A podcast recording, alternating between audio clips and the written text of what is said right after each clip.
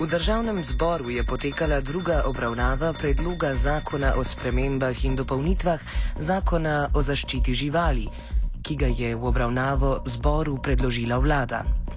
Predlog zakona so strokovnjaki pripravljali več kot leto dni, pri njegovi pripravi pa so sodelovala različna strokovna združenja in nevladne organizacije, med njimi Veterinarska zbornica Slovenije, Slovenska muslimanska skupnost, Veganska inicijativa in Društvo za zaščito in pomoč živalim v stiski Lajka.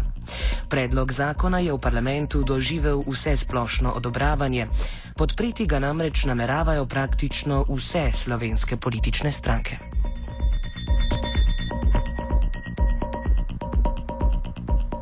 Sam zakon nam nasplošno predstavi predsednik odbora za kmetijstvo, gozdarstvo, prehrano in okolje, ki je predlog zakona obravnaval, Dejan Židan.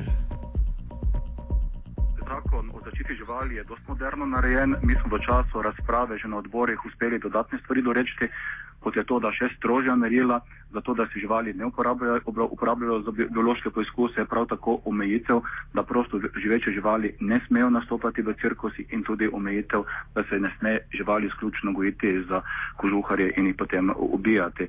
Dodatno so bili sprejeti amandmaji, ki ukinjajo predlagano pristojbino za različna pravila, ki so povezana za živali, zato ker se računsko sodišče opredelilo, da to vrstna pristojbina ni v skladu z našim pravnim redom. Zakon med drugim prepoveduje prosto živečim živalim nastopati v cirkusih. Več židan. To zato, ker eh, stroka se je postavila na stališče, da nekatere od domačih živali, kot recimo so konje, konji se dobro počutijo tudi v ogrejenih prostorih, da se jih pozitivno motivirati, da obstajajo pa živali, ki v ujetništvu enostavno ne znajo živeti na način, to, na način, da to za njih ni stresno. Recimo, če damo uh, leva ali pa tigra v cirkus, karkoli se tam z njim počne, je to za njega stresno. Eh, dodatno dopolnitev tega predloga je pa v tem, da se je osnovno določilo, da se prepove uporaba prosto živečih živali v cirkusi, spremeni na ta način v cirkusi in jim podobnim dejavnostem saj drugače bi obstala nevarnost, da bi se lahko poimenovali v zabaviščni park ali karkoli podobnega in bi se, kar je v naši državi pogosto zakonsko določilo, tudi obšlo.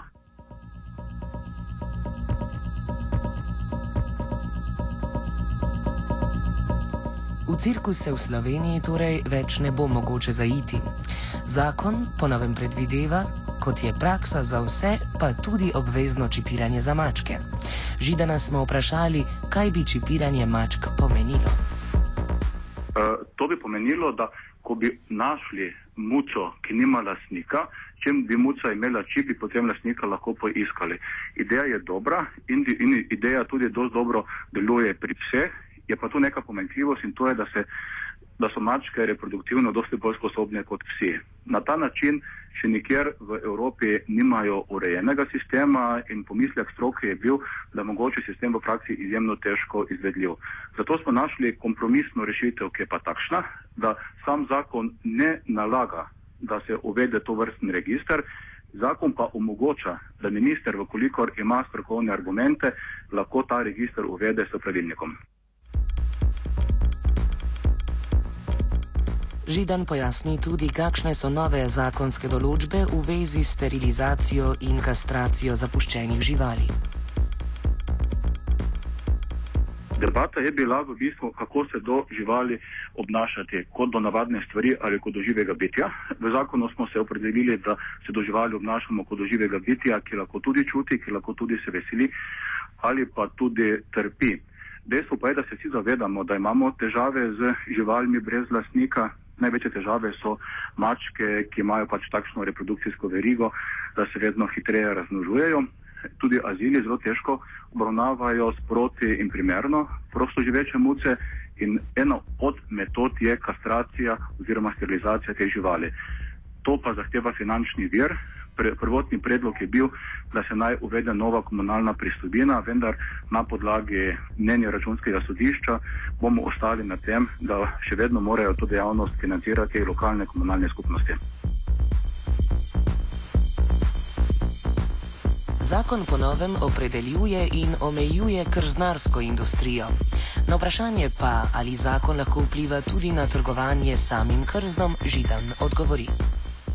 Ne, se to tudi zakon o zaščiti živali ne more in ne sme vplivati na to, kaj bodo ljudje se oblačili, kaj bodo počeli. Tudi recimo tiste industrije, ki se ukvarjajo z predelavo usnja ali za kožuhje, ne bodo lahko posebno normalno delovali še naprej. Gre samo za to, da reje, ki jih dejansko v Sloveniji tako več ni, v Sloveniji tudi več ne sme biti.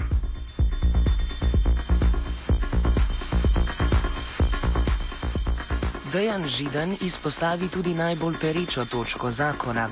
Ta namreč po novem absolutno prepoveduje živi obredni zakol živali, čemur nasprotuje ta slovenska muslimanska in judovska skupnost, ki menita, da jim določba krši pravico do svobodnega verskega izražanja. Kje je konflikt interesov? Poglejte, tukaj imamo seveda soočanje dveh pravic, pravico do vero, veroizpovedi in tudi pravico do zaščite živali.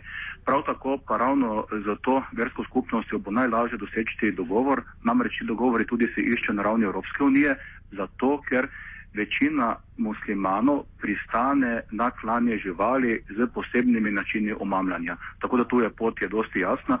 Tisto, kar je mene kot predsednika odbora pristojnega pa bolj presenetilo, na nek način tudi razjezilo, pa je sklicevanje, da bo kolikor ne bo tako, kot si želijo, da bodo obvestili ameriško ambasado. To pa sem zelo jasno povedal, da Slovenija ni in ne bo ameriški protektorat in da so to vrstne grožnje na nek način za nas v parlamentu žaljive.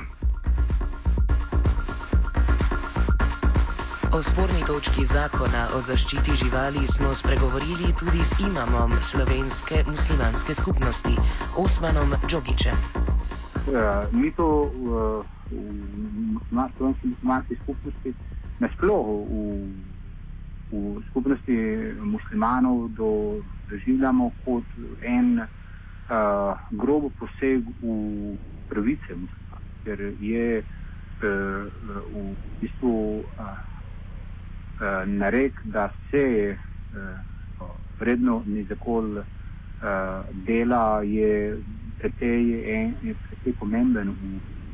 Torej, to ni neko, ne, nekega perifernega pomena, ampak bi rekel srednjega pomena. In zaradi tega smo dejansko uh, precej presenečeni.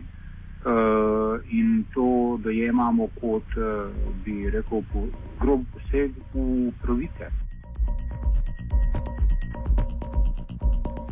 Čogič odgovori tudi na vprašanje, ali so verske pravice nad živalskimi.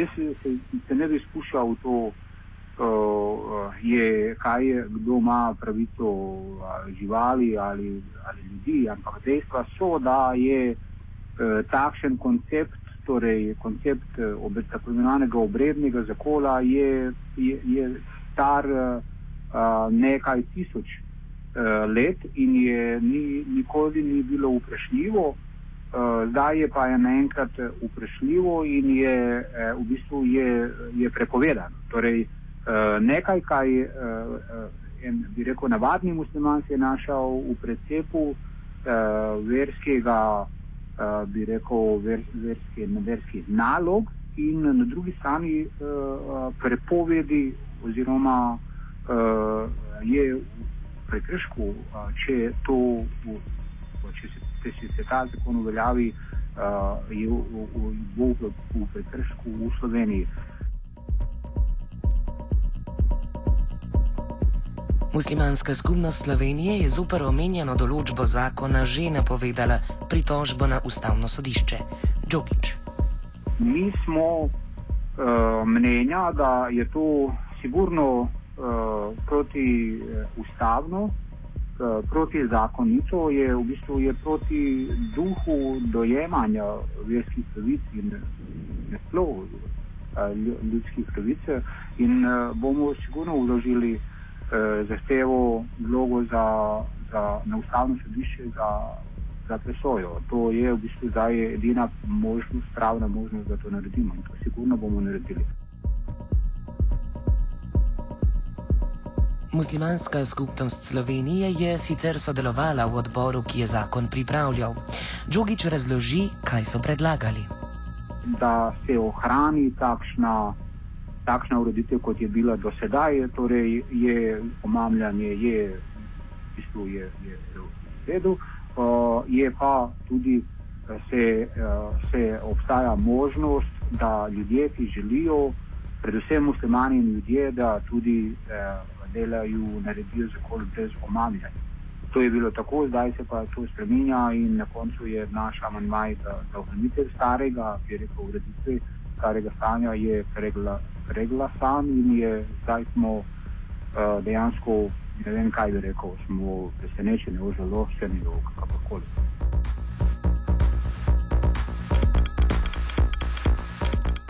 Džogič nam razloži tudi, zakaj obredni zakol z omamljanjem ne pride v poštev.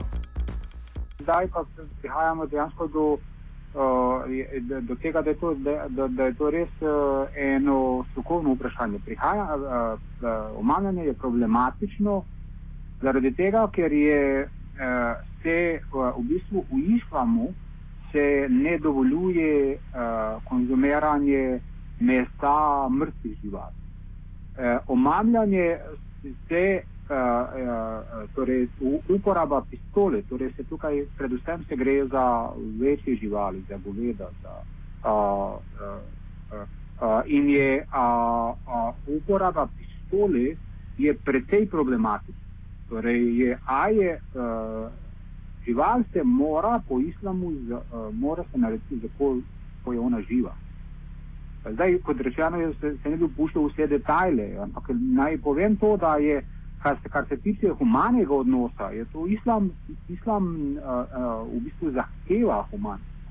Torej, da je nož uh, rezilo, da je ostro, da se žival ne, ne, ne da, da se ne za, zaradi zabave ne, ne, ne življa se na njej in tako naprej. In tako naprej. Torej, Torej, to je, zaradi tega je to problematično. Moram pa reči, da je tudi v muslimanski javnosti in praksi v bistvu so razlike. Uh, tam, kjer je uh, prekejšnja uh, sigurnost, da žival ni mrtva pred zakolom, se uporablja uh, omamljanje. Torej, omamljanje, mi smo predlagali eno, uh, eno, tudi smo predlagali na uh, eno metodo, ki se v bistvu je nekako konsenzno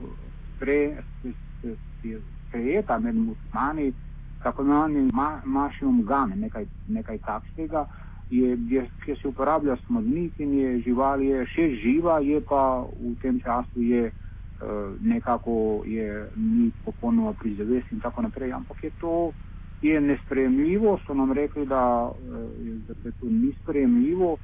Uh, in je, mi smo potem, eh, glede na to, da tukaj govorimo o skupnosti, smo pa potem smo se nekako izkristalizirali naše mnenje in smo rekli, zdaj pa ne, saj smo na tem stališču, da se, uh, da, se, se, da, da zahtevamo zakol brez omamja. Uh, ker je, razumete, ker se na, če vi na nek način je tako pri politiki, če jim pokažete malce, pripravljenosti za kompromise in tako naprej, oni pa vas že, že naprej prehodi.